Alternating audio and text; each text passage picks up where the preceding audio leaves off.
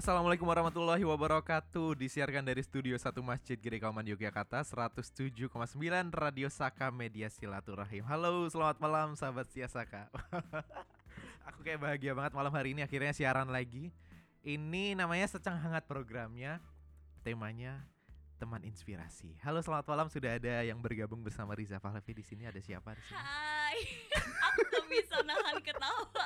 Aku boleh salam dulu gak? Oh, boleh, boleh. Assalamualaikum warahmatullahi wabarakatuh. Waalaikumsalam warahmatullahi wabarakatuh. Ti, apa kabar? Baik, kaki. Iya. Jadi kalau misalnya sahabat Sia Saka udah lihat di Instagramnya Saka atau Instagram aku atau Instagramnya Tita Ju. Oh tadi kenal belum sih? Apa belum? Oh, belum. Kenalan. iya, kita kenalan harus dulu. ya. Iya kenalan dulu, kenalan dulu. Ini aku nih. Aku Iya kenalan, kenalan ya. Halo semuanya. Jadi aku adalah Tita Briliana. Jadi kalau misalnya cari di Instagram ada tuh saya dengan ketidakjelasan aktivitas saya gitu. Luar biasa. Tapi hidupnya jelas ya. Insya Allah jelas ya kak Iya, ya. Kalau nggak jelas nggak akan diundang ke sini. Tidak jadi teman inspiratif gitu. Oh, iyalah. Tapi kayak aku Wow. juga belum kenalan. Aku Riza Pahlavi. Jadi kalau kalian mau follow langsung aja add ke @riza Pahlavi TTM, Tita di @tita Briliana. Jangan lupa di follow. Yes, malam hari ini kita akan ngobrolin seputar muda menginspirasi. Mhm. Nyerempet-nyerempet muda Muda mendunia. Baru mau bilang. iya, iya, iya. Aku Aduh. mencoba mencari kosakata yang biar agak beda Mhm. gitu. Muda menginspirasi. Ini tapi mohon maaf, saya Apa? rasanya kayak Aduh, harus behave banget ya Pak ya. Boleh nggak nanti kalau lepas aja? Eh, kalau Boleh behave ya? ketawanya jangan gitu Oke, dong. oke. Kayak. Mohon maaf ya. saya sedang mencari Fahri saya di sini. Iya Allah mencari teman hidup. Ya Allah, ya mending tulus dulu aja nyari teman Oh, hidup. Dan buat sahabat baik. Saka kalau ada yang mau tanya langsung aja ke Instagramnya @sakafmjogja, streaming di streaming.sakafmjogja.com. Bisa juga ke Twitter ya. Ditunggu.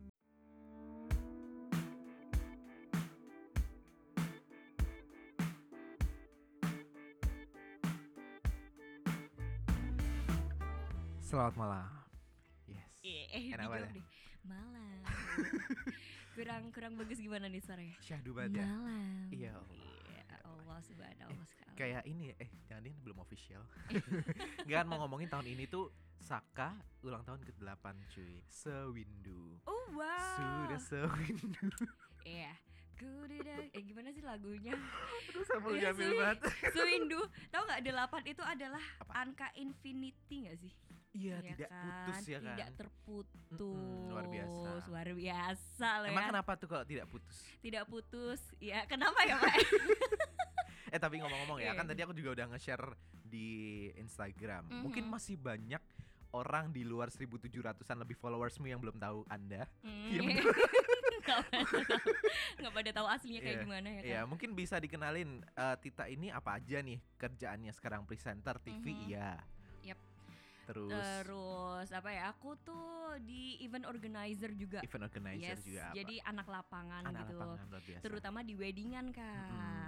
Jadi kalau anda anda sudah memiliki pasangan ya, sudah diberikan jodoh, sudah terlihat hilalnya nanti bisa berkonsultasi dengan Oh, saya gitu. gitu, Untuk nanti. perkara gedung. Iya. Semua Jogja udah dikuasain ya. Aman Jogja ya kan? Jawa Tengah mungkin Loh, saya kan yang memiliki candi, bukan begitu?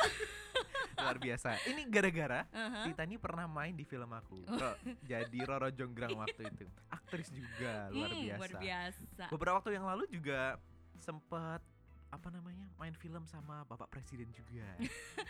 itu sumpah kalau kalau bo- Jadi ibu bilang- hamil ibu hamil jadi bener-bener pas pampresnya itu pada taunya aku hamil beneran orang-orang yang ada di sana Mm-mm. itu si bapak-bapaknya itu pada tahu kalau aku itu hamil sampai mereka itu kan panas banget ya Heeh, Di di di lapangan Kridosono. Kridosono.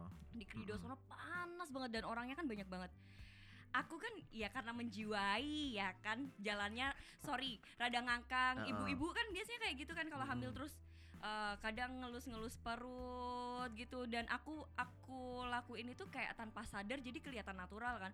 Bapak-bapak tuh sampai ini nih minumnya mbak tolong kasihin ke mbaknya yang itu. Jadi kayak disalur-salurin makanan Iya. minuman. Mbak ini mbak teduh apa neduh di sini gitu. Bener-bener karena mereka taunya. Dan mas siapa mas Edi Mm-mm. sutradaranya pun Heeh. mungkin kalau misalnya ak- eh, pas pampresnya nggak tahu kalau aku hamil, maksudnya hamil seolah-olah Iya. hamil kan. Hmm. itu kita nggak akan dapat akses buat ketemu Pak Jokowi. Wait, tapi sebenarnya eh, dari timnya Pak Jokowi waktu itu tahu nggak kamu akan bikin film Enggak. ini apa segala macam? Oh berarti inisiatif aja. Yes, malah kita tadinya nggak dapat akses buat masuk. Oh, berarti- Bayangin, Oh. karena taunya aku beneran hamil, Jadi kayak daripada jawab iya beneran. Makanya daripada sia-sia kasihan nanti ibunya kenapa gitu Iya kan. iya iya iya. Pas pampresnya tanya gini, ibu mau ngapain gitu? Rada, rada galak Iya tapi iya. kelihatan care Iya sebenarnya. iya. Mau foto ya gitu? Terus saya bilang, eh saya ya Allah. aku bilang gini, enggak pak cuma mau dielus aja. Aku bilang Iya. kayak gitu. Soalnya inget banget Mas Edi bilang nanti asal masuk aja. Ya udah aku minta bilang dielus aja gitu. Oh, Eh tapi waktu itu berarti sama kameramennya dong. iya Berdua doang. sama Mas Edi. Oh sama Mas sedinya Edi, langsung. heeh. Jadi ada Mas Iva yang sekarang ye filmnya udah launching. Iya, baru hari ini. Iya, eh kok launching sih? Per- eh, Tayang tayang, bioskop, ab, mm. ab, ab, Abrakadabra. Jadi filmmu kapan sih? eh, doakan. Doakan ya. Asal jangan sama aku mah nanti filmnya bagus. Yo. Nah Iya. itu pokoknya Mas Iva, ada Mas ini juga Mas Edi kan. Mm-mm. Pokoknya Mas Edi yang pegang kamera terus sama pokoknya kita bener-bener ngikutin alur aja gitu terus akhirnya didap- eh, dikasih akses karena Luar biasa ya. penjiwaan luar biasa. Alhamdulillah ya. Eh Alhamdulillah. tapi mohon maaf kan saya pernah syuting yang kemarin ya. Emang Mm. kan Tit Kamal juga pakai Mm. Hamil-hamilan tuh. Mm. Itu tuh pakai kayak silikon gitu nah, kamu pakai Oh mohon kayak gitu gak maaf, sih? kita tidak modal. Pakai bantal sis. Jadi malamnya itu aku dihubungin gini, Mbak punya pasmina nggak? Apa gitu? Oh punya punya tenang aja. Pasmina, ah bentar aku kerudung ya, kerudung Yes, pasmina. yang kerudung. panjang gitu. Terus Dikupet-kupet ke. nggak nggak dia bilangnya apa ya waktu itu terus aku inisiatif sendiri mbak aku pakai pasmina aja deh pasmina terus nanti aku pasangin sama bajuku aja Mhm.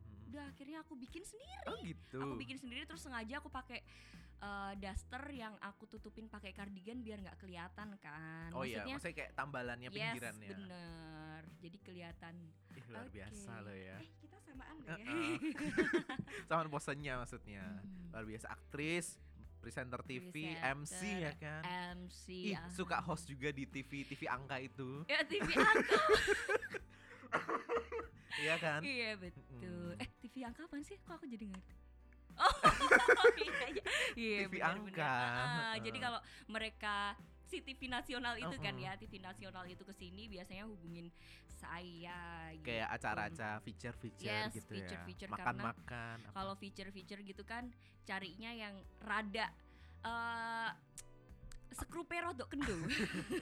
Soalnya harus heboh ya sis ya. yes, bener. Kalau misalnya terlalu behave ya kan nanti nggak jadi ini feature-nya jadi apa gitu. Apa kan. namanya? Hebohnya jadi Iya. kalem, tidak jadi heboh lagi, bukan? Heeh, gitu terus ya banyak sekali kesibukan sih sama akhirnya MC itu sih yang yang akhir-akhir ini Dari paling kecil apa? Maksudnya event paling kecil atau mungkin pertama kali dulu nge-MC apa?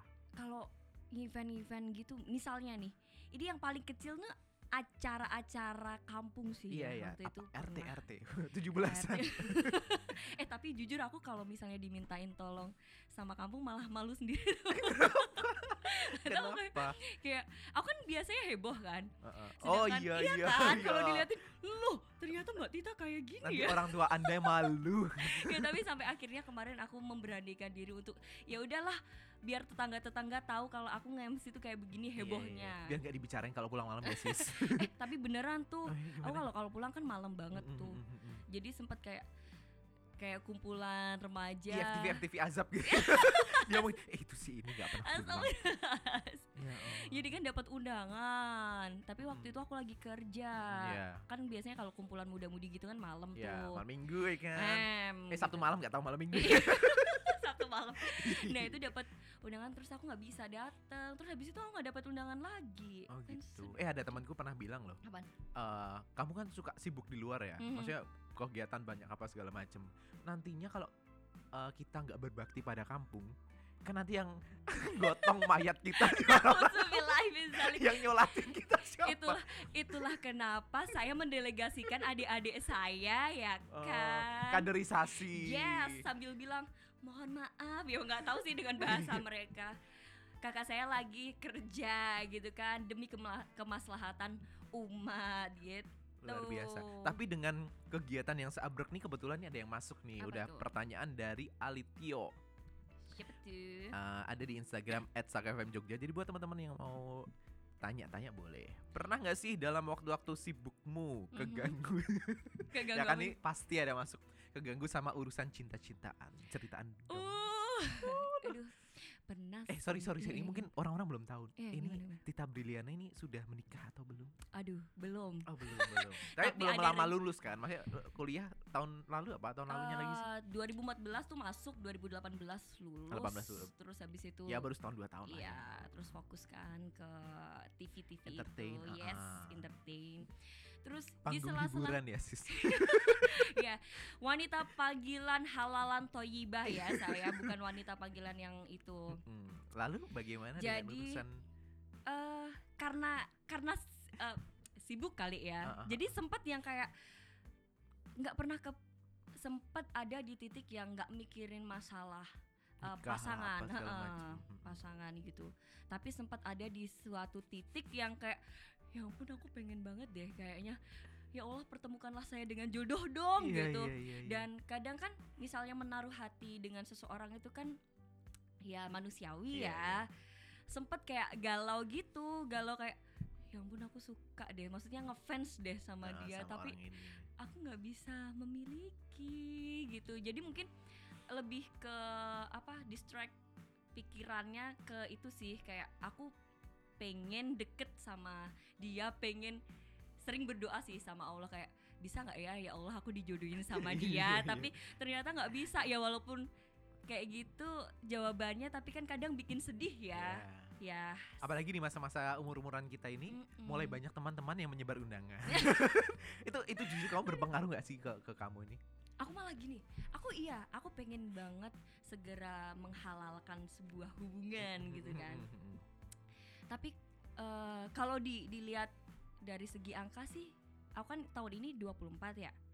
Itu kan berarti kalau untuk cewek udah cukup Udah matang. bisa lah ya. Mm-mm. dari sistem reproduksinya pun juga sudah oke. Kesehatan ya. kesehatan mentalnya pun juga sebenarnya sudah oke. Mm-mm. cuman aku kadang kalau dapet undangan dari teman-teman tuh malah rada ngerasa hah serius? Mau nikah? Udah berani? Gitu. Kadang mikir ke situ sih wow jadi kayak keren ya mereka sudah berani Iya. untuk uh, mengambil tanggung jawab atas dirinya dan orang lain ya kan dan nanti keluarganya gitu ya walaupun aku sebenarnya pengen pengen cepet-cepet sebenarnya gitu Cuma ya ya untungnya disibukkan dengan banyak aktivitas positif juga ya. Iya, Jadi heeh. akhirnya nggak berlarut-larut dalam yang kayak duh kapan punya jodoh, kapan punya kan Mm, banyak mm-mm. tuh manusia di luar sana yang akhirnya bener bener malah bener. cuma luntang-lantung Ah, ah, jadi bener bener bener bener nggak kerja nggak apa. jadi ya alhamdulillah ya walaupun ada pikiran kayak gitu tapi kan bisa ke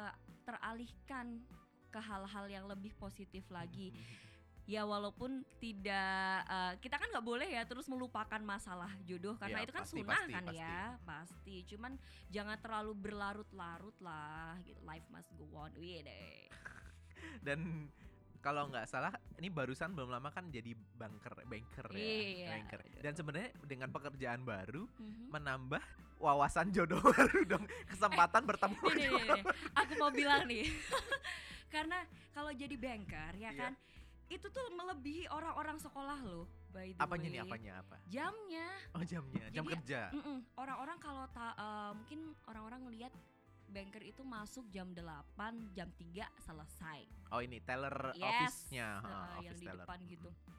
Front office pokoknya pelayanannya selesai kita juga selesai. Padahal enggak. Kita datang jam setengah delapan. Kita absen jam 7.29 itu sudah hitungannya telat. Mohon maaf Wow. sekali ya. Terus kalau misalnya posisinya kayak saya saya kan di belakang Uh, di office-nya back ya. office jadi nggak di depan itu kan ngurusin operasional itu pulangnya setengah enam bayangin Setengah enam. enam sore Hmm, Jadi lebih ah, berapa sih? 9 jam lebih kan ya? 9 jam lebih. Mm-mm. Jadi kalau dibilang lebih terbuka nggak nih jodohnya ya kalau misalnya di luar kamu nggak punya komunitas ya kamu bakal ketemunya orang-orang itu Eh tapi yang di kantormu bawa bapak atau banyak yang muda? baik. banyak yang muda juga sih ya Pak Aman ya, aman ya. Stok ada lah ya, aman, Stok nambah. ada, cuman ya janganlah saya mau cari yang di luar aja lah Oh gitu. kan. Eh, Iya, iya. Udah tahu ya gajinya berapa soalnya. Alhamdulillah sebenarnya bisa nge-cover Pak. Oh, bisa cover ya. Ya. Oh, iya. Eh, eh, cuman kalau bisa cari yang beda bidangnya lah nanti biar kalau balik Mm-mm. balik dari kantor ya walaupun kalau balik dari kantor itu sebaiknya jangan bawa urusan kantor ke Oh, iya, rumah benar, benar. itu nggak boleh itu toxic sih menurut Benar, aku benar, benar. jadi kalau balik ke rumah kamu harus menjadi misalnya cewek jadi ibu rumah tangga kalau cowok jadi bapak rumah tangga yang mengayomi anak-anaknya yang bisa membina keluarganya jadi Ya. kamu bicarakan masalah keluarga gitu Social life Yes. ya. Terus cerita juga nggak apa-apa sih, cerita juga nggak apa-apa, tapi ceritanya tuh lebih ke sharing dan gimana ya enaknya, bukan Hmm. bukan cerita buat bawa masalah, beda loh. Iya iya iya benar kan, benar benar. gitu. Banget. Kadang-kadang gitu tuh udah di kantor sebel ngomongin Mm-mm, kerjaan di rumah masih bawa-bawa lagi. Akhirnya kita malah orang-orang rumah yang kena dampaknya. Nah itu yang Iya. kadang membuat kita sampai rumah udah capek, terus orang rumah sebenarnya juga capek, tapi malah Mm-mm. kita kasih em, cerita kayak gitu malah nanti jadi crash kan. Bener, bener, Makanya kalau bisa, kalau mau satu bidang nggak apa-apa. Tapi kalau misalnya di beda bidang beda bidang kan enak tuh nanti sharingnya gitu. Iya, iya. Tapi ada obrolan yang menarik antara uh, kakakku yang pertama. Kebetulan beliau dengan istrinya itu satu bidang, satu Hmm. Oh iya. jurusan. Waktu itu ada obrolan bahwa kalau kita satu jurusan tuh kita tahu kayak Iya si sih. ini pulang malam ya namanya kerjaannya ini ya pasti pulang malam dong. Bener-bener. Tapi ketika beda jurusan kadang-kadang kan susah gitu em, taunya gitu. Mhm. Mungkin aku nih seorang filmmaker, ada Mhm. misal nanti jodohku dokter. Ya aku tahu sih dokter kerjaannya 24 jam. Mm-mm. Cuma kan kayak eh, aku melihat dia kayak nggak pernah pulang sih atau mungkin dia ngeliat aku juga apa sih sekali pergi syuting sebulan dua bulan. Itu kan hal-hal yang mungkin bisa terjadi dan akhirnya jadi cekcok. Tapi iya juga sih. Tapi ya itu balik lagi bagaimana Mm-mm. komunikasinya. ya. Mm-mm, yang yang jelas kalau dari aku sih jangan besok ya siapa pun itu jangan bawa-bawa masalah kantor ke rumah boleh bawa tapi untuk sharing Buat lucu-lucu? Ah, pillow talk ah, aja ya. yes. Hmm, pillow talk bener gitu. Eh tapi ini ada pertanyaan lagi nih dari Sela Ristiana. Hmm, Ya, Sela Ristiana. Ini kayak hampir kayak jawab pertanyaanku tadi cuma belum dijawab kayaknya. apa? Pertanyaannya pengalaman first time nge-MC gimana? Terus kapan pertama kali mulai nge-MC? kalau first time aku lupa lupa sih ya Aku tahu deh zaman-zaman ini taraweh anak-anak. tapi tapi yang jelas aku eh, berterima kasih juga sih sama Dimas Diajeng Jogja itu eh, adalah kamu Bantul bukan sih dulu? Iya Bantul, tapi habis itu Oh, provinsi didelegasikan ya? ke provinsi, Heeh. heeh. dan di situ aku berkembang pesat sih. Jadi dikasih kayak event dinas, itu kan nanti teman-teman Dimas Diajeng diperbantukan Iya. gitu. Jadi aku nggak nggak melihat nominalnya, justru dulu malah, ah serius aku MC kayak gini doang, bayarannya segini segini gitu. gitu. Tapi yang aku aku cari di sana adalah sebuah pengalaman. Awalnya tuh kayak grogi banget, cara ngomong aja nggak mantep sama Iya. sekali. Ini harusnya kayak gimana? Itu Mm-mm. jelas sih. Jadi kayak misalnya mau nge-MC tuh bener-bener tanya banyak orang, Mas ini nanti kalau kayak gini gimana ya? Terus ini urutan-urutannya gimana ya? Penyebutannya gimana ya? Kadang kalau misalnya eh, jam terbangnya belum tinggi, Mm-mm. kadang kan diulang-ulang. Iya, Misalnya benar. dari acara satu ke acara selanjutnya menginjak acara pertama Iya iya iya iya. padahal nggak boleh kan sama Heeh. terus. menginjak acara kedua padahal kan nggak boleh menginjak menginjak gitu kan nggak boleh kan Waktu dan tempat disilakan, Heeh. dipersilakan. jadi kalau misalnya awal sih memang ya masih kikuk-kikuk lah ya grogi itu itu tahun berapa? Waktu kelas berapa atau waktu udah kuliah? oh udah kuliah Oh udah kuliah udah semester. kuliah kayaknya 2000 eh, mulai banget tuh 2015 deh ya Itu Iya, empat 2005. tahunan yang lalu ya Yes. berarti. Berarti itu yang membuka jalan sampai akhirnya Iya. jadi tapi karena sekarang. masih kuliah kan waktu itu dan masih banyak kegiatan organisasi mm-mm. jadi aku belum menganggap itu sebagai profesi waktu itu Hmm, ya masih kayak ya hobi lah ya Mm-mm, gitu. gitu terus kalau sekarang eh outfit buat nge-MC aja bener-bener dipikirin Dipikirkan, kan iya, iya. udah ada budgeting gitu Mm. makanya tiap ditanyain berapa fee-nya itu aku mikir buat ini juga Mm-mm, buat pasti. kostum kalau dulu mah ya udah sedapatnya berapa gitu Iya kan iya iya benar. kostum bisa pakai yang ada di rumah nanti tambal sulam tapi memang jatuhnya jadi oh ternyata kelihatan tidak profesional Hmm. ternyata tuh Harus disesuaikan dengan acaranya juga sebesar Mm-mm. apa, Mm-mm. tamunya siapa apa segala macem. Luar biasa sekali. Ini ada pertanyaan selanjutnya tapi saya nggak tahu ini apakah akan kamu jawab. apa di apa di apa di apa di Ini dari Abang Dalil. Bang dalil bang dalil bukan ya Jali, jali, jali. Jali. Terserah mau jawabnya gimana? Mm-mm. Em, berapa fee-nya?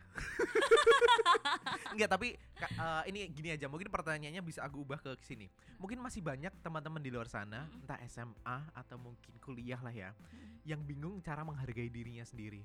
Dalam artian kayak menentukan rate untuk MC misalnya. Mm-mm. Kan kadang ditanya sama acara nih, "Eh, kamu mau dibayar berapa?" atau kalau Mm-mm. enggak, itu gimana sih cara kamu dulu menentukan Mm. atau kamu mungkin punya kayak ya standarnya sekian sekian kalau kemampuanmu segini ya gimana sih di Jogja deh ya di Jogja Hmm. dengan acara gimana Eh, sejujurnya ya aku tuh kalau misalnya ditanyain rate ini aku buka aja ya Hmm. aku nggak akan sampai matok banget nggak biasanya aku buka nih rate-nya segini. Hmm. tapi itu ada beberapa pertanyaan dulu. Lokasinya di mana? Hmm. wardrobe-nya kayak apa? Acaranya kayak gimana? Misalnya siapa yang datang gitu. Karena itu nanti akan menentukan eh, seberapa ribet sih eh, persiapan kamu. Nah itu kan nanti eh, berpengaruh juga sama pengeluaranmu tuh, benar ya kan? modalnya ya. Yes, Mm. Bener modal usaha lah ya. nah kalau misalnya memang dirasa tidak begitu, oh ya sama ini penyelenggaranya siapa? oh ya Kalau pakai IO biasanya emang besar karena IO kan dibisniskan kan, jadi Hmm. biasanya saatnya mencari uang iya bener beda kalau misalnya Mahasiswa acara- ya.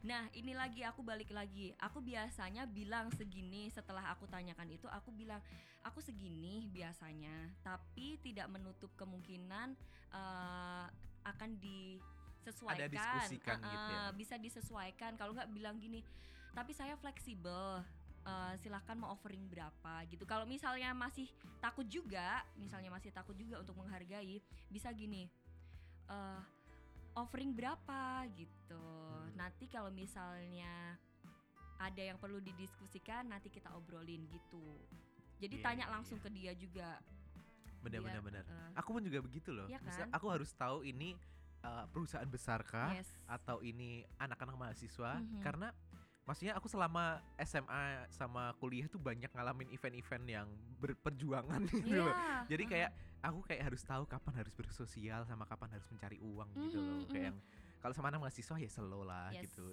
Sama terga tapi tergantung lagi ya acaranya segede apa. Aha. Tapi kalau udah sama perusahaan, oh waktunya cari duit. Iya bener Aku tuh kadang mikir gini loh Za eh, Kalau mahasiswa Misalnya minta tolong Ini kan kalau mahasiswa kan banyak perantau tuh Iya iya.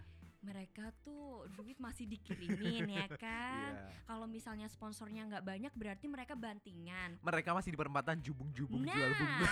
belum nanti kalau misalnya masih ada kekurangan setelah event, Iya. ya kan? Jadi kayak ya sudahlah, kamu mau kasih berapa asal kan nih kalau misalnya bener-bener jauh banget dari harga kita, Hmm. rate kita. Aku biasanya bilang kayak gini, minta tolong nanti saya ra- rada diperhatikan ya. Kadang kan ada juga tuh yang LO ada sebenarnya dia bertugas sebagai LO tapi dia nggak paham Iya. LO itu sebagai apa. Iya, iya. Kadang kan dia nggak Hmm. tahu. Jadi kita sampai sana dianggurin aja nggak ditawarin makan minum makan minum. Iya, ya iya. walaupun sebenarnya kita sebenarnya bisa beli sendiri. Cuman kan Ya kan kita udah- penghargaan aja Mm, eh, bener, bener, bener. sudah memberi kompensasi harusnya dihargai Iya, dong iya. gitu Iya, bener, bener, sih. bener. Makanya semenjak aku ya alhamdulillah mulai dipanggil gitu kan. Jadi kayak yang lebih tahu cara metreat orang kayak Yes. yang makan minum tuh jangan sampai kelewat gitu dan Uh-huh. kita harus menservis dengan baik apalagi kalau kita misal secara nominal mungkin tidak memberikan Mm-mm, banyak ya kan. mm-mm, mm-mm. Karena itu berpengaruh sama mood nggak Oh sih? pengaruh banget cuy, pengaruh banget. Jadi orang-orang mikir misalnya jadi MC tuh modal ini doang cuap-cuap doang. Mm-mm. Masya Allah ya kali. Kita tuh Anda. ngomong tuh butuh tenaga Iya, jelas iya. ya kan makanya butuh makan jelas dan MC itu kan istilahnya salah satu nyawa dari sebuah event Jadi kalau misalnya si MC moodnya udah jelek, gimana bisa membangun nyawa si event itu? Iya kalau misalnya si audiensnya itu bisa memberikan feedback baik. Kalau susah, uh, mbok ameh dijak goyang sesar ngono kuwi ya angel banget. Tapi gila ya aku aku sering sekali maksudnya MC itu adalah terdepan gitu. Yes. Yang mewakili muka acaranya, Yes. muka bintang tamu dan segala macam Yes. tuh MC duluan. Dan aku pernah di di situasi yang panitianya nyebelin, Hmm. penontonnya tidak atraktif, Haha, terus tidak apa tidak komunikatif gitu yes. dan kayak aku juga kayak tidak diperhatikan dalam artian misal gini Rasanya Bali banyak. kayak yang dikasih rundown aja tuh baru hamin satu Heeh, jam heeh. misalnya terus aku tanya ini acaranya gimana terserah kamu mau diapain kayak yang kayak Itu tuh tapi kalau misal kita mau apa muka jelek di depan akhirnya yang jelek kita lagi nah, gitu kan. nah itu jadi dilema banget gak sih? soalnya aku sendiri kalau misalnya lagi nonton acara ada MC-nya iya apa sih MC yang jelek Iya, iya. MC kenapa nggak di tengah panggung sih nggak di mojok-mojok itu tuh aku ngomel gitu jadi aku bayangin kalau aku juga di posisi itu gitu Padahal mereka tuh nggak tahu aja sebenarnya mereka treatment mereka tuh iya banget iya kan? iya banget Iya kan makanya ya ya. itulah kenapa sebagai MC itu kadang ususnya kudu dawa. Ya kabeh sih. Kabeh kabeh kabeh. Dan kadang-kadang orang alah cuma ngomong doang gini doang. Ini udah ada rundownnya udah ada skripnya gitu-gitu. Cuma cuy kita nggak bisa ngomong kayak gini tuh bisa ngomong selancar ini adalah proses 10 tahun bertahun-tahun yang kita Mm, alamin mm, mm. dengan deg-degannya dulu dengan Mm-mm, keringet bener. dinginnya dulu benar benar. dengan kita menghadapi banyak orang dan Mm-mm. segala macem biasa. dulu waktu awal-awal tuh aku kayak satu hari tuh cuma mau nerima satu event loh karena aku deg-degannya luar biasa dan Iya. aku nggak mau kelihatan failed lah dan deg-degan itu capek loh Mm-mm. kayak Mm-mm. kita meredam deg-degannya Bener, meredam bener, biar kita bener. pede tuh capek banget mending ya kalau cowok mah tinggal eh, hairdo ya kan bedakan udah Eh, itu pun kalau pas acara yang Iya, resmi-resmi iya. banget dan butuh kalau cewek aduh. Belum make up belum Uh-uh. apalah apalah ya kan? Bajunya ini ono ini ono makanya kalau dulu butuh satu hari itu cuma bisa nerima satu job aja. Kalau sekarang sekarang alhamdulillah bisa beberapa job. Cuman karena akhir-akhir ini jadi banker jadi saya sabtu minggu saja. Kalau sehari biasa tapi kayak malam gitu masih bisa, Bisa ya? sih bisa cuman untuk awal-awal ini aku masih penyesuaian penyesuaian adaptasi ya. Ini nyambung sama pertanyaan selanjutnya. Apa tuh? Tadi kamu bawa-bawa perkara laki-laki, Oh, baik. gender. Ini ada pertanyaan dari Kak Yafit. Mm-mm. Dia tanya nih, pernah nggak sih Mbak dapat job sorry nih Mhm. lagi, maksudnya lagi PMS. Nah, terus gimana ngelola mood biar nggak ngejebak Oh ngejebak biar nggak ngejambak audiens atau nyakar panitia katanya gitu. Tapi kan masalah cewek salah satunya itu kan problem. Ada yang sampai sakit banget, ada yang mungkin biasa aja. Nah ini Mm-mm. kalau Tita bagaimana? Kalau aku sih ini mungkin aku nggak nggak bisa jawab waktu PMS ya. Karena alhamdulillah aku tipe orang kalau yang PMS tuh biasa aja, Oh tidak Ah, ah. tidak terlalu berdampak. nggak yang emosi. Tapi pernah sih aku aku sempat ngatain dalam hati sih. Emang PMS sampai kayak gitu ya? Kok lebay banget sih? Kayaknya aku biasa-biasa aja nggak emosi sama sekali. Tapi ternyata pernah. Hmm. Tapi ini aku waktu itu lagi nggak ada event. Jadi aku kayak sebel banget sama apa yang dilakuin semua orang padahal dia bener. Tapi aku sebel. tapi kayak keluar aja gitu Iya. ya ngomongnya. kayak misalnya kamu kayak gini nih, aku tuh sebel, sebel banget, sebel banget, bener-bener Agak sebel, ngeri kamu. sebel banget. Ya, terus terus. Nah, aku mau cerita aja sih, aku pernah dapat sebuah event. Eh, nggak usah dibilang deh, nggak usah dibilang, Apa nih? usah Ah, dibilang. kuliahan atau bukan? Nggak, nggak. Oh bukan. Eh, sebuah apa ya platform, oh platform. platform dia bikin festival, Oh, fanfest, oh gede. you know that? Baru yang kemarin. yes. heeh. Ah, tapi kalau nggak salah kamu kemarin uh, nge- nge-host buat provider bukan Salah sih? satu provider. Jadi kamu dari provider apa dari Aku dari provider. Oh, dari providernya. Jadi uh, mereka kan punya satu slot untuk masuk tuh Ah, ah, ah, ya ah. kan. Jadi aku jadi host salah satu provider di sana. Di sana bawain artis, ada si siapa sih itu yang banyak Siapa? banget Salsabila Adriani. Oh, Salsabila ya. Jadi aku MC Cover dia. ya? Mm-mm, sama si Tri ya. Tri siapa? Tri yang yang suka nyanyi tuh loh, yang di YouTube banyak banget followers. Eh followers apa sih? Subscribers. ya. subscribersnya itu. Nah, aku kan diminta buat pakai baju hype ya mbak pakainya yang hype ya high bis Hypebeast, gitu hypebeast. high bis gitu Luar biasa. aku sudah cari kalang kabut semuanya ditolak tahu deh endingnya apa. Terus masya allah terus terus apa endingnya? Iya endingnya nggak sih? Nggak nih nih. Aku aku udah udah beli baju sana sini sana sini. Ini aku fee-nya sampai nggak nawar loh aku. Iya. karena ya udahlah oke cuma keluar berapa menit gitu kan. Hmm. minta high bis aku udah udah cari bener-bener. Aku sampai tanya teman-temanku yang di Jakarta itu yang, Yang kira-kira yang high high bis bis ya. gitu Iya, kan aku tanya. banget, gitu. menurutmu udah high bis belum sih? Udah high bis banget. Tapi sama mereka enggak mau enggak enggak diterima bajunya Bentar itu kamu kayak hamin sa, maksudnya sebelum acara. atau- malamnya Jadi kamu setor ya kayak gini bajunya ah. gitu. malamnya karena mereka kan dari Jakarta tuh Oh ketemu langsung. baru ketemu langsung terus baru minta baru minta jadi ini tuh rewel banget aduh aku menjelek menjelek Nggak apa-apa nggak apa-apa tapi emang emang em banyak kok kayak Iya. gitu. Maksudnya buat pengalaman ya juga ini mungkin buat ah, teman-teman ini yang sharing ngalamin. aja ya baru kali ini sih aku keluarin gitu Mantap. sharing aja jadi memang banyak banget ternyata dinamika karena orang-orang itu kan klien ya Iya. klien kan mintanya ini itu ini itu mereka merasa aku sudah bayar kamu berarti kamu harus mengikuti saya dong gitu Iya. ya emang iya tapi tolong dong bener-bener nggak diterima coba bajunya Karena kurang hype bis Kurang menurut mereka. high bis padahal udah high bis cuma masalah itu dan itu sebenarnya bikin mood aku jelek aku waktu dateng tuh mau ngeliatin mukanya aja tuh kayak astagfirullahalazim gitu kan. Tapi aku terus ingat daripada mempertaruhkan nama aku Iya benar-benar. aku mendingan langsung tetap jalan. Mana ini acara gede ya Mm-mm, kan. tetap jalan. Tadinya awalnya awalnya mereka tuh kayak aduh underestimate banget sih sama aku. Mungkin ya karena tahu aku belum seberapa gitu kan.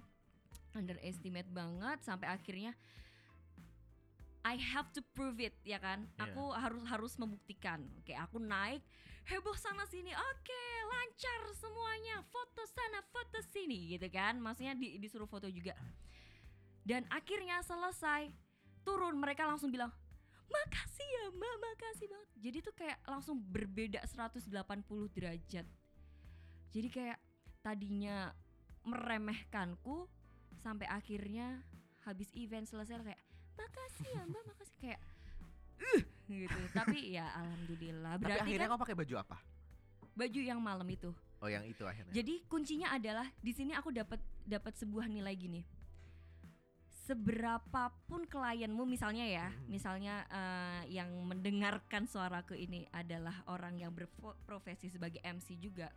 Seberapapun klienmu rada nggak suka sama kamu waktu itu, tetap bikin moodmu stabil.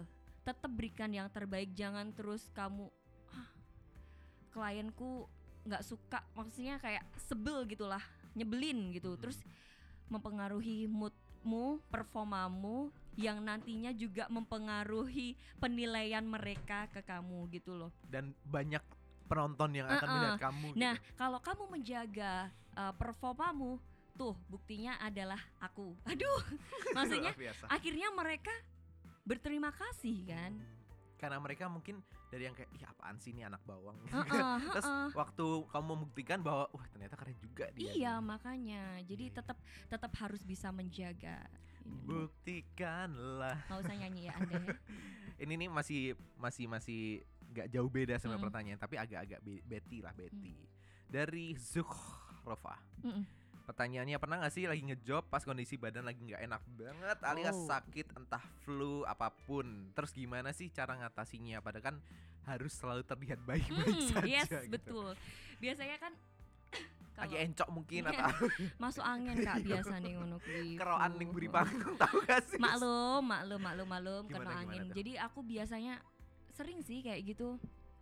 Eh aku biasanya tuh karena ada kru ya. Aku ngobrol-ngobrol berusaha untuk ngobrol biar aku lupa sama sakitku. Tapi ada di suatu masa juga kalau misalnya ngobrol malah bikin aku drop, Drop. aku aku diem. Jadi kayak save energy Mm, mm, di backstage itu save energy baru nanti dikeluarin lagi. Aku biasanya bawa obat-obatanku sih. Itu minuman penolak-penolak itu. Oh. Mm, biasanya kan kalau anak-anak Iya, iya, iya. event kayak kuning kita ya, kan kuning ya. yes. kalau anak-anak event kayak kita kan masalahnya cuma itu kan Iya sih. sama radang sih Ya bener bener bener, Eh, bener banget. radang aku sebenarnya diperiksa sama dokter tuh udah merah banget aku dimarahin tuh wah kamu nih nggak sayang sama padahal kamu buat kerja kan gitu kan ya sih dok ya gimana lagi kan Iya. wah harusnya kamu istirahat udah merah banget tuh Terus jadi kayak pilek juga, batuk gitu. Mm, Aku pilek lumayan sering sih. Masih kayak pagi gitu atau apa. Kalau aku sih karena ini ya, aku kalau ngomong kan selalu ngotot. Tahu kan aku kalau ngomong kan selalu ngotot Iya kan. iya paham. Ini dari tadi headphone sudah menjauh. Oke, aku gini ya. Aku kan kalau ngomong selalu ngotot tuh. Iya. Apalagi aku tuh event sukanya tuh bukan event yang formal, non formal biasanya, non Yang formal. heboh-heboh ya Yes, justru ya. dan aku tuh nggak tahu kenapa ya, aku seringnya sendiri. Seringnya sendiri. Jadi kayak aku lahap semua materi itu sendiri. Jadinya tuh eh, buat radang itu biasanya lebih cepet aku. Iya benar benar. benar. Mm-mm. Apalagi crowdnya semakin besar itu, wah. Padahal sebenarnya kita udah pakai mic loh, tapi kayak rasanya harus Yes. membangun Aku seorang. sampai sampai dibilang gini loh sama soundman ya. Mbak, wis nganggo mic to, Mbak.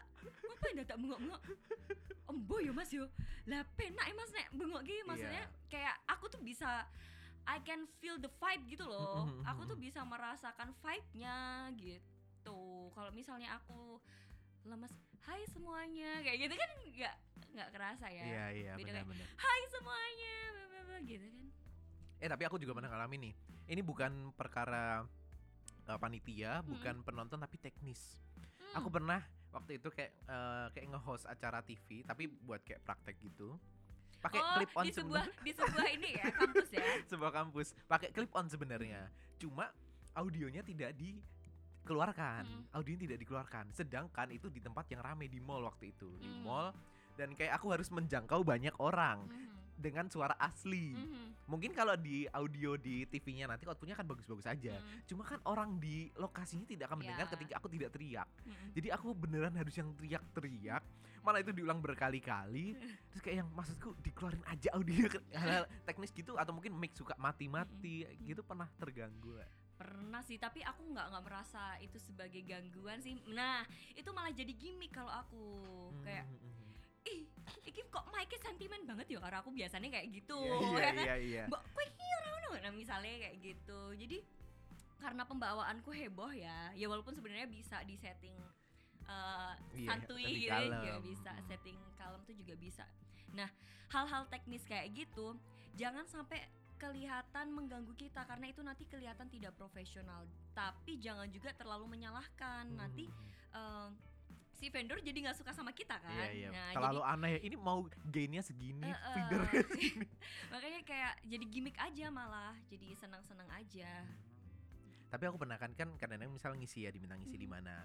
Eh, salah satu yang aku minta Hmm. adalah microphone wireless. Oh, Serius. pelunas Aku pernah waktu itu acara di SM, SMK, ngisi Mm. di SMK di Cikarang, Mm-mm. cuy di Cikarang. Aku lupa waktu itu minta mic wireless. Mm. Jadi ya ya udahlah ya gitu. Itu sebenarnya bukan gitu masalah, cuma kayak kalau wireless kan enak gitu. Aku mau sukanya mundar mandir kan nggak Mm. suka berdiam di satu tempat. Ternyata tiba di sana pakai mic kabel. Kabelnya pun berwarna-warni yang biasanya selalu aku hindari. Saya kayak penyanyi dangdut sis gitu. eh jujur ya aku nih kalau misalnya lagi nge-MC terus dapat mic mic berkabel aku jarang foto loh iya, Allah. malu Ya, Kalaupun foto nggak pakai micnya gitu udah Iya, pakai si yes, kokatnya cue- doang. cardnya doang. aja. jadi bukannya malu sih tapi cuma kelihatan kayak Kayak kurang 2020 nggak sih, yes kok 2020 2000-an Ah nggak maksudnya kayak 2020 Oh, masa iya, masih pakai kabel Yes, gitu yes. loh. 2020 masih pakai kabel sedangkan sekarang mikrofon melang meling Iya. jadi jadi mendingan kalau misalnya foto buat Mix Syahrini foto- ya. yang emas, yang nggak perak itu. jadi mendingan nggak usah pakai kabel sih. Apa nggak usah pakai mic sih. Udah foto aja Saya waktu itu eh, akhirnya itu, itu jadi ada beberapa ada yang pakai berwarna, ada yang hitam. Hmm. Terus aku bilang waktu itu juga tak ajarin gimmick kan, kayak yang, iya aku nggak mau pakai yang kabel nanti dikira kayak penyanyi dangdut, akhirnya mau Hmm. pakai yang hitam. Hmm. Ih kayaknya azab terus habis itu mati micnya. aku pakai yang si kabel berwarna, atau kayak yang oke ini kayak azab deh. Ih si yang kabel berwarna itu akhirnya mati mati juga. Udah akhirnya aku pakai dua mic itu tak pegang. Satu kabel ya hitam, satu Allah kabel cah maruk astagfirullahaladzim Ya Allah, Ya Allah, ya begitulah. Duh, Ya, rame banget nih sahabat setia malam hari ini. Kayaknya emang itu karena- fansmu semua deh kayaknya. soalnya teman-temanku nggak ada yang ini nggak ada eh yang kalau tahu. fansnya Tita Briniana lovers apa? Apa ya? Tita Ars. namaku eh aku aku dikenal Wati loh di Hah? aku Wati. Nggak di di kantor aku tuh dipanggilnya Wati tau. Eh emang ada nama Wati ada Watinya Briliana Wati kan nama panjang? Asli? Iya nama asli. Justru nama asliku Oh. tuh nggak ada titanya makanya orang-orang tuh kalau cari aku tuh susah. Oh gitu. Heeh, kan Rizky Cahya Brilianawati. Jadi kalau Oh. misalnya tulisannya Rizky Cahya B orang-orang pasti taunya aku cowok. Sering banget iya dulu iya aku iya di iya absen. Rizky. inget Mas banget Rizky waktu waktu aku pertama kali masuk sekolah di SMA guru PKN apa ya lagi ngabsen. Mana ngelihatnya di deretan cowok lagi. Dan panggilnya apa Mas Rizky Cahyo. Mohon maaf bukan Rizky Cahya tapi Rizky Cahyo. Luar biasa. tapi nama aslimu Cahya? Rizky Cahya, Cahya, luar biasa. eh, Iya, iya, soalnya. Rizky Cahya Brilianawati Riz, Rizky sama Cahya tuh bisa buat cowok bisa Cowok buat cewek. cowok Iya, banget, makanya kayak Rizky pakai i pakai y. Ye. oh, pakai y. Aduh. Luar biasa. Lanjut dari dia Ayu Pratiwi. Ngatasin grogi gimana sih buat mbak sendiri ngatasin grogi. Nah kalau ini aku sih karena itu tadi satu berpegang teguh jangan sampai mempermalukan diri sendiri. Apa pun yang terjadi ibaratnya terabas wae jadi wes Oh, oh. medok banget ya terjadi. Sudah terabas saja. Jadi udahlah kalau misalnya emang ya aku tahu grogi itu eh, bisa datang tiba-tiba ya nggak sih? Iya. Ya kan? Tapi kadang-kadang grogi buat aku tuh jadi tanda bahwa aku excited dengan acara ini Hmm. kadang-kadang maksudnya bukan sombong ya tapi kayak Mm. beberapa kali ngalamin MC apalagi di acara yang sama maksudnya oh aku udah pernah seminar ini seminar lagi ya Mm. udah gitu kan udah pernah ngalamin tapi kalau aku ke acara yang baru misal konser besar yang aku belum pernah wah deg-degan luar biasa pasti Mm-mm, mm-mm. Tapi kalau aku sih lebih ke itu sih kuncinya.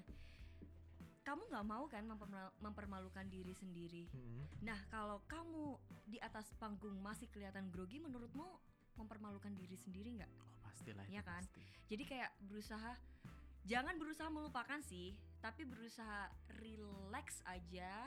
Kayak ya sudah apa pun yang terjadi terjadilah, ya nggak sih? apa pun yang terjadi terjadilah jangan berpikir nanti akan salah nanti akan kayak gini aduh nanti bakal gini nggak ya gitu udah terjadi terjadilah terus di belakang panggung jangan kelihatan panik banget karena kalau misalnya di belakang panggung panik nanti ke bawah sih ke depannya jadi kalau Iya, iya. misalnya udah di belakang aja. panggung udah pegang mic kalau misalnya emang masih ngerasa uh, grogi kamu diem aja kalau enggak misalnya kamu bisa apa tuh menahan grogimu Mm-mm. dengan ngobrol sama partnermu ya udah ngobrol aja kalau ada partner kalau enggak ya udah diem aja diem banget sampai kamu menemukan titik tenang ya. heeh, titik tenang itu pasti bisa kok pasti Tapi bisa berarti kamu tipenya yang orang diem mencari ketenangan kan ada orang yang makan coklat mungkin Mhm, atau ngopi atau apa. Kamu tenang aja. kalau aku tenang aja sih kayak berusaha diem Murah ya berarti ya. Gak aneh-aneh. Kan ada orang harus makan coklat enak. Harus- Mbak ridersnya apa? Oh nggak ada kok. Yang penting nggak aku nggak ada sih kayak ya oh enggak pakai melon madu dipotong kotak-kotak 3 no, cm. aku minumnya eh, mandinya harus pakai air galon Iya. enggak gitu enggak enggak enggak. Iya. oh. Sangat mudah. sangat mudah sekali. Intinya ingat saja jangan permalukan diri sendiri, carilah titik tenangmu. Terabas wae. Ini men- menuju detik-detik akhir Hmm. obrolan kita nggak lama eh nggak lama nggak kerasa kerasa, loh sudah mau satu jam cuy Oh my god. Oh Mm, iya. kita full tanpa iklan kayak sinetron baru episode episode awal kan begitu Luar biasa. Hmm, ini setelah sekian nama saya yang belum siaran lagi ini baru siaran lagi loh Uh-huh. dan ini program saya pertama nih Berarti saya yang eh, pertama nih jadi korban pertama. iya korban pertama gitu ini ini ini ini pertanyaan Hmm. luar biasa sebenarnya ini topik yang dari tadi awal kita kita Hmm. bahas sih Apa? Em, dari dana Hmm. bukan oh, Nah, nah, Iya. berita. hmm, ini Eh, kasih cashback lagi dong. iya nih sekarang udah pelit banget kan alasan kita dulu pakai karena cashback iya, bener. Hmm, gimana sih ya? Ya lanjut lah ya. Lanjut. Ini coba siap-siap dipertimbangkan jawabannya. Nih? Cowok ideal dan husbandable menurutmu yang gimana? Ini bukannya aku berpikiran kolot tidak ya. Bobby with bebet bobot pasti. Jawa banget ya. Mm-mm. Anak bugisan banget ya. Bugisan punya. Karena aku menyadari sih aku ini bukan siapa-siapa ya kan Za. Sekali lagi, aku ini bukan siapa-siapa. Jadi walaupun ini jawabanku terkesan klasik, tapi ini sebenarnya yang sangat kubutuhkan. By the way, bunyinya kedengeran. Masuk ya, masuk ya. Jadi aku hanya membutuhkan orang yang benar-benar menerimaku. Ini benar-benar menerima loh ya. Iya. Jadi aku tuh paling nggak suka kalau misalnya, misalnya kita sudah berumah tangga nih, insya Allah ya. Iya. Terus aku dikulik-kulik, ih kamu ternyata kayak gini ya, kamu ih ternyata keluargamu kayak gini ya. Oh ternyata, wah tahu gitu aku mendingan sama yang itu menyakitkan banget nggak sih? Banget, kan? banget. sedangkan ya jujur aja deh wanita-wanita pasti nggak pengen kalau dibanding-bandingkan iya walaupun kadang cewek tuh sukanya gini ya udah kamu sama itu aja kan itu lebih cantik itu tuh sebenarnya tuh kayak mas mbok tolong dipahami toh gitu jadi bener-bener aku cuma pengen dia yang menerima aku apa adanya tanpa mengulik-ngulik luka itu jelas. Tapi eh, bisa memposisikan diriku sebagai partner partner Oke. hidup. Jadi bener-bener kamu tahu nggak sih? Kan aku bilang kan ke kamu kalau aku suka The Greatest Showman. Oh, sama. ya kan? Kata-kata Kamu mau jadi siapa? jangan jenilin ya Udah gue duga kamu kamu kemarin main pementasan jadi Iya, jadi itu, Jenny Lin, jadi, jadi pelakor. jadi inilah jadi istrinya si ini pokoknya tuh kata-kata however big Iya, iya. however however big however small let me be part of it all. Iya, iya. Say, share your dreams. Apa? With me. with me. Nah maksudku itu tuh bener banget loh. Kadang kan kalau misalnya sudah berumah tangga ada salah satu pihak yang egois misalnya salah ambil res, eh, salah ambil langkah terus beresiko dan mengakibatkan ke keluarganya Ya, jadi kayak FTV Azab yang tiba-tiba rumahnya diambil. Keluarga cemara ya Yes, pokoknya nanti berakibat ke keluarganya. Heeh. Sedangkan dia itu mengambil keputusan itu tanpa mempertimbangkan ataupun minta pendapat dari pasangannya. Mungkin sebenarnya niatnya baik mau untuk keluarga tapi Iya. ketika tidak didiskusikan bisa menjadi Mm-mm. Nah, iya kalau si pasangannya itu bisa nerima. Kalau enggak kan malah nanti gonjang-ganjing Iya. kan. benar Sedangkan banyak yang kayak gitu mau nggak mau si pasangannya harus menerima benar gitu benar. kan harus ikut mencari jalan keluarnya tanpa tahu kok kamu bisa sih kok kamu nggak cerita sama aku nah Mm-mm. itulah kenapa aku pengen cari seseorang yang bisa menempatkan aku sebagai partner, as a decision maker waduh luar biasa. Tapi kamu udah nonton nanti kita cerita Udah tentang sih, hari. udah. Nah, itu kan juga kayak gitu tuh. Mm-mm. Cerita tentang mungkin menurut dia itu baik, tapi ketika Iya. tidak dikomunikasikan iya pokoknya aku aku mikir sih memang komunikasi itu sangat penting gak sih Luar Tapi biasa. salah satu drama keluarga yang menyentuh aku selain NKTCHI itu apa tuh eh NKT. Iya, ya bener. itulah pokoknya. itu adalah si manis. Eh kamu jadi nonton si Oh, manis nggak? belum. Ih, itu kan juga sedih banget. Ah, itu juga ini tentang nonton. keluarga, tentang ketidakpercayaan antara suami dan istri juga Oh, iya. gitu-gitu. Mm-mm. Thank Itu you satu jam pertama tidak ada horor-horornya, cuy. Sejam pertama Drama drama, dulu, baru sejam kemudian baru horor. Hmm, Kayak aku gitu. tuh tadinya tuh kayak mau nonton tapi karena ngelihat wignya si Randy Pangalila bagus nggak ya itu sumpah loh aku gara-gara ngelihat itu loh ini bagus nggak ya kok si Dia Randy ceritanya Pangalila seniman gitu. iya tapi kan kayak too Iya, much iya, gitu iya, loh iya. wignya kayak kurang natural yes ya. gitu Gitu. Oh, ternyata yang di Instagram saya juga ada pertanyaan. apa tuh Tahu nggak sih kan aku nge-share pertanyaan question kan di Mm-mm. Instagram. Masa ada yang gini pantengin ya IG kita Kak Aneka Masakan gue di IG. Follow ya Kak. Kayak apa sih? Mohon maaf nih orang-orang kan saya buka pertanyaan ya. Tapi ada yang tanya bener. Hmm. Em, bentar bentar bentar. Hujan mulu guys, mau ngapa-ngapain jadi mager ujung-ujungnya rebahan deh. Apa sih? aku pikir pertanyaan. Oh iya, tapi kamu pernah mengalami nggak sih sebagai generasi milenial, apa tuh? generasi rebahan? eh sumpah ini aku kan pernah tuh dulu diwawancara sama eh, majalah tentang resolusi ke tahun 2019 waktu, Waktu itu. itu, heeh. Eh, ini 2000 Oh, 2008 2018. Jadi aku wawancaranya tahun 2017 tuh. Oke. Buat 2018 Mm-mm. maksudnya buat resolusi 2018. Kamu tahu apa yang aku tulisin? Keluar dari kemageran. Aku tuh sebenarnya orangnya mager banget. Mager banget orangnya. Sejujurnya, tapi orang-orang tuh bilang, "Kok kamu bisa ya berkegiatan ini itu ini itu?" Aku juga gak ngerti sih sebenarnya. Makanya aku kalau kalau ada hari libur mendingan aku di rumah sih, bisa menikmati apa kemageranku. Tapi nanti aku tuh biasanya kalau udah keluar wes langsung Sekalian ya? ke mana-mana. Iya, bener. Makanya kroso kesel. Kok tekan oma lagi ngeliat. Nah, makanya aku kadang kalau udah sampai di rumah terus ditanyain mau pergi nggak? Nggak, mendingan di rumah aja.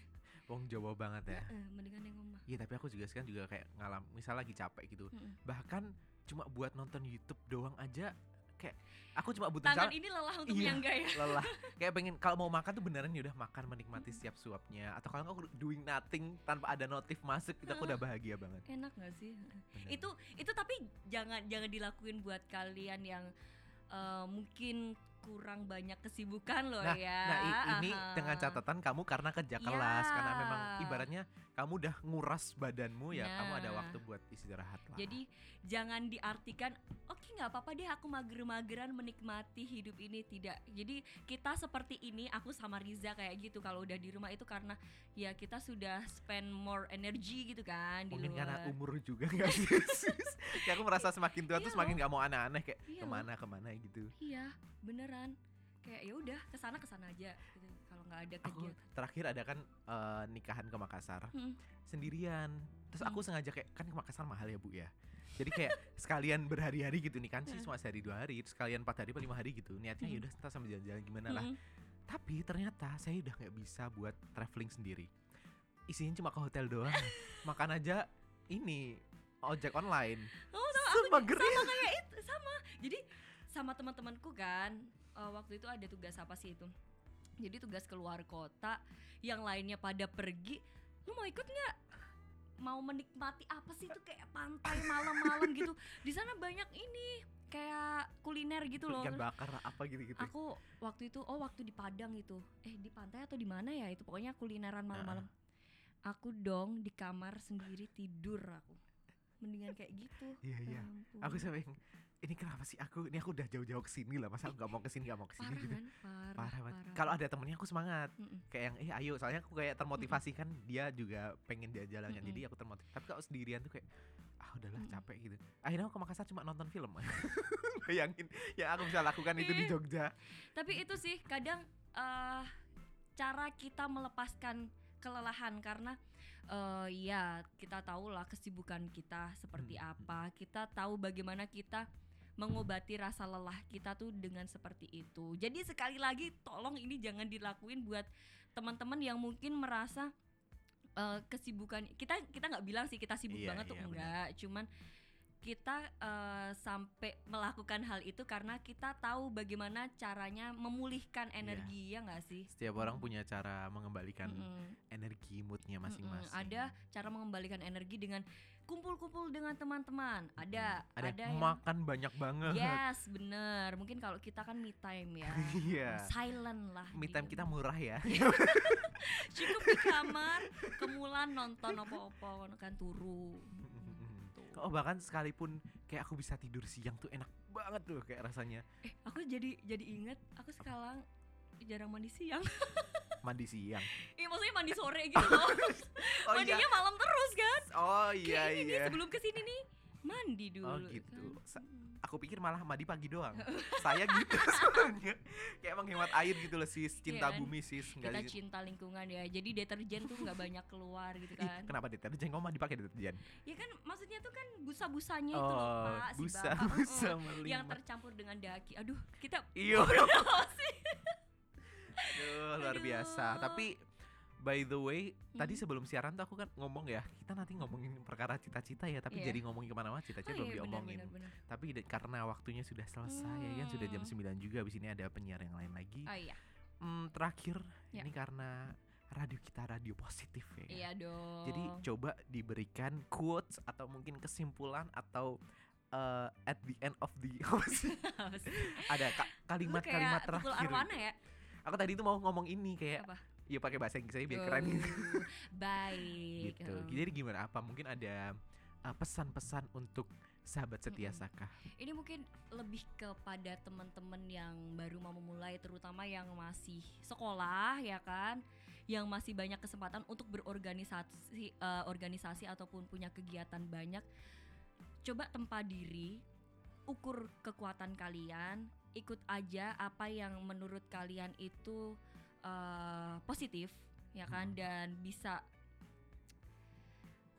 apa ya mengembangkan Bermanfaat, diri ber- ya heeh, mengembangkan mengembangkan diri. udah nah itu nanti akan berlanjut ke kuliah kan Mm-mm. nah di kuliah itu nanti kalian tempa diri kalian juga itu yang membuat kalian nanti bisa fleksibel sama waktu Hmm. makanya orang-orang bilang kenapa sih kok kamu bisa melakukan semua kesibukan ini Mm-mm. tapi aku ngerasa kayak enggak ah aku biasa aja. Tapi beneran banyak yang bilang kamu nih jam segini ke sini jam segitu ke situ. Tapi itu nggak kerasa karena apa? Itu aku sudah terbiasa sudah Iya. terbentuk dari eh, dari aku sekolah. Ya. dengan banyak kegiatan dengan banyak eh, organisasi perlombaan.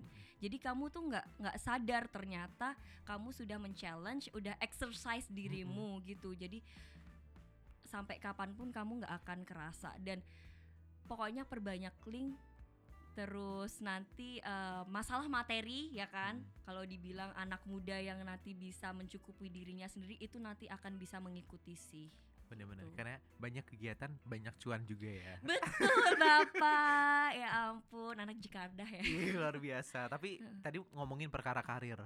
Nah, bagaimana sama anak-anak muda yang mungkin masih SMA, masih kuliah atau mungkin baru awal-awal kerja sudah uh, terlalu desperate dengan masalah cinta.